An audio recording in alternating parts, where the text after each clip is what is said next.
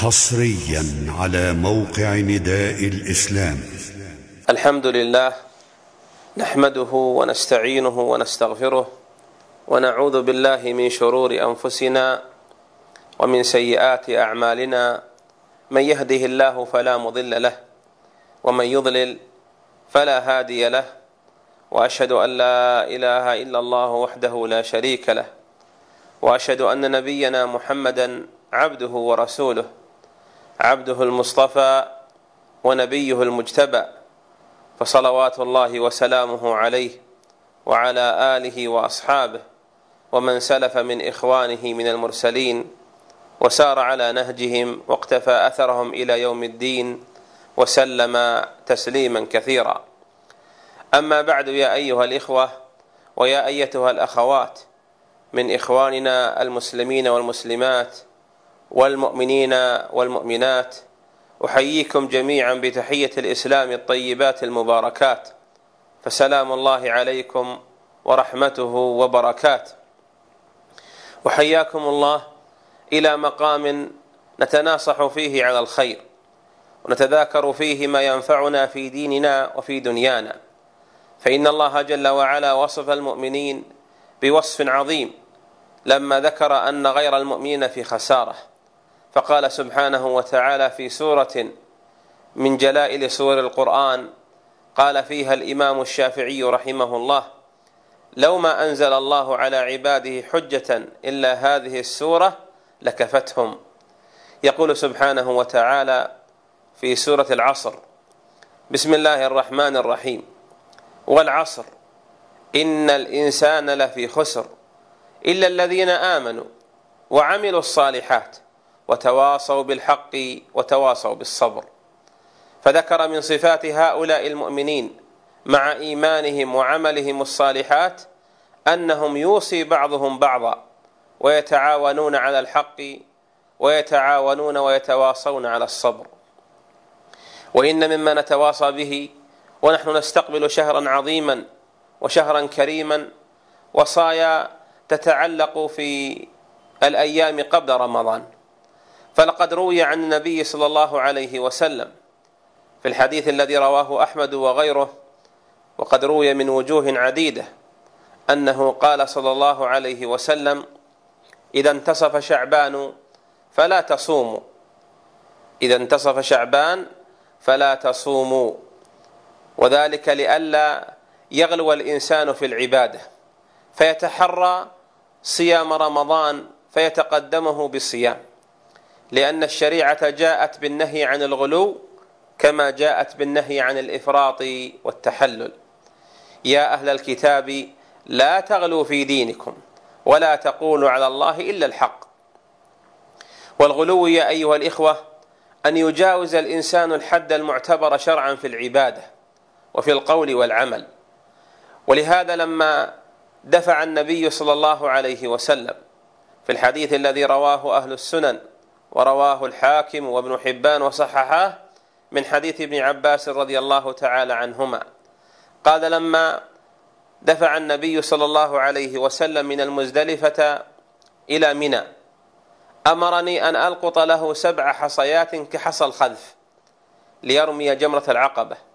فلقدت له سبع حصيات أي كحصى الخذف بمقدار ما يخذف الإنسان ويحذف الإنسان صاحبه لينبهه لا ليوجعه ويؤلمه. قال أمرني أن ألقط سبع حصيات كحصى الحذف ثم وضعتهن في يده فرفعهن إلى الناس وقال أيها الناس أمثال هؤلاء فرموا أمثال هؤلاء فرموا وإياكم والغلو في الدين وإياكم والغلو في الدين فإنما أهلك من كان قبلكم الغلو في الدين. يعني أن سبب هلاك من قبلنا من الأمم من بني إسرائيل ومن قبلهم هو غلوهم في دينهم. وهذا حق يا أيها الإخوة. أخبرنا الله جل وعلا به في القرآن وحدثنا عنه النبي صلى الله عليه وسلم في أحاديث كثيرة. فغلو اليهود هو في سبة عيسى وأمه عليهما السلام وغلو النصارى في رفع عيسى وأمه عن درجتهما. إلى أن جعلوا أن عيسى ابنا لله عز وجل. تعالى الله عما يقول الظالمون علوا عظيما. وفي صحيح مسلم يقول صلى الله عليه وسلم هلك المتنطعون. هلك المتنطعون هلك المتنطعون. قالها عليه الصلاة والسلام ثلاثا.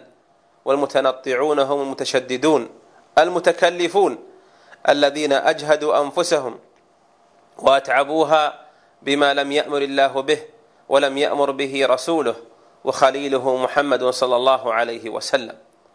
ولما نما إلى علمه عليه الصلاة والسلام أن أقواما سألوا عن عبادته فتقالوها أي استنقصوها. فقال أحدهم أما أنا فأصوم الدهر ولا أفطر. وقال الآخر أما أنا فأقوم الليل ولا أنام. وقال الثالث أما أنا فأتبتل ولا أنكح النساء. فبلغ ذلك النبي صلى الله عليه وسلم. ثم قام في الناس خطيبا محذرا ومنذرا. قال أما إنه إني أتقاكم لله وأخشاكم لله أنا وأنا أصوم وأفطر وأقوم وأنام وأتزوج النساء. فمن رغب عن سنتي فليس مني. من رغب عن سنتي فليس مني. إذ أكمل الهدي وأحسنه هدي النبي صلى الله عليه وسلم. ومن أراد الجنة وأراد رضا الله فليطع وليتبع رسوله محمدا صلى الله عليه وسلم في أقواله وأعماله وأهم ذلك في عبادته وفرائضه التي يؤديها لربه عز وجل. يقول صلى الله عليه وسلم إذا انتصف شعبان فلا تصوموا. لماذا يقول ذلك؟ لئلا يتحرى المتحري صيام رمضان فيتقدمه بصيام أيام والأيام تتتابع إلى أن يبلغ بذلك مبلغ الغلو.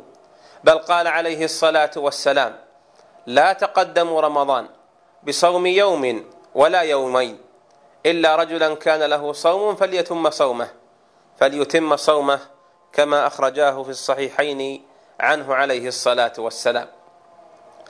وقال في حديث حديث ثالث من صام اليوم الذي يشك فيه يقول أبو هريرة رضي الله عنه. من صام اليوم الذي يشك فيه فقد عصى أبا القاسم. هذه الأحاديث الثلاثة وما جاء في معناها تنهانا نهيا صريحا عن أن نتحرى رمضان. وأن نتقدمه بصيام يوم أو يومين أو أكثر يتحرى بها الإنسان أن يصوم رمضان.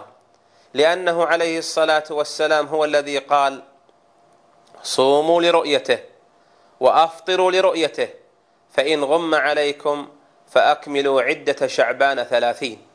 إذ المعتبر في الصيام هو في رؤية الهلال إذا رآه العدول لا في الحساب ولا في ما يتناقله الناس بعضهم عن بعض في مسألة أن الهلال ولد أو أن الهلال لم يولد وإنما المعتبر هو أن يرى العدول هلال رمضان ويصح دخول رمضان برؤية عدل واحد ولو كان أنثى. والله أعلم وصلى الله وسلم على نبينا محمد وعلى آله وأصحابه والسلام عليكم ورحمة الله وبركاته.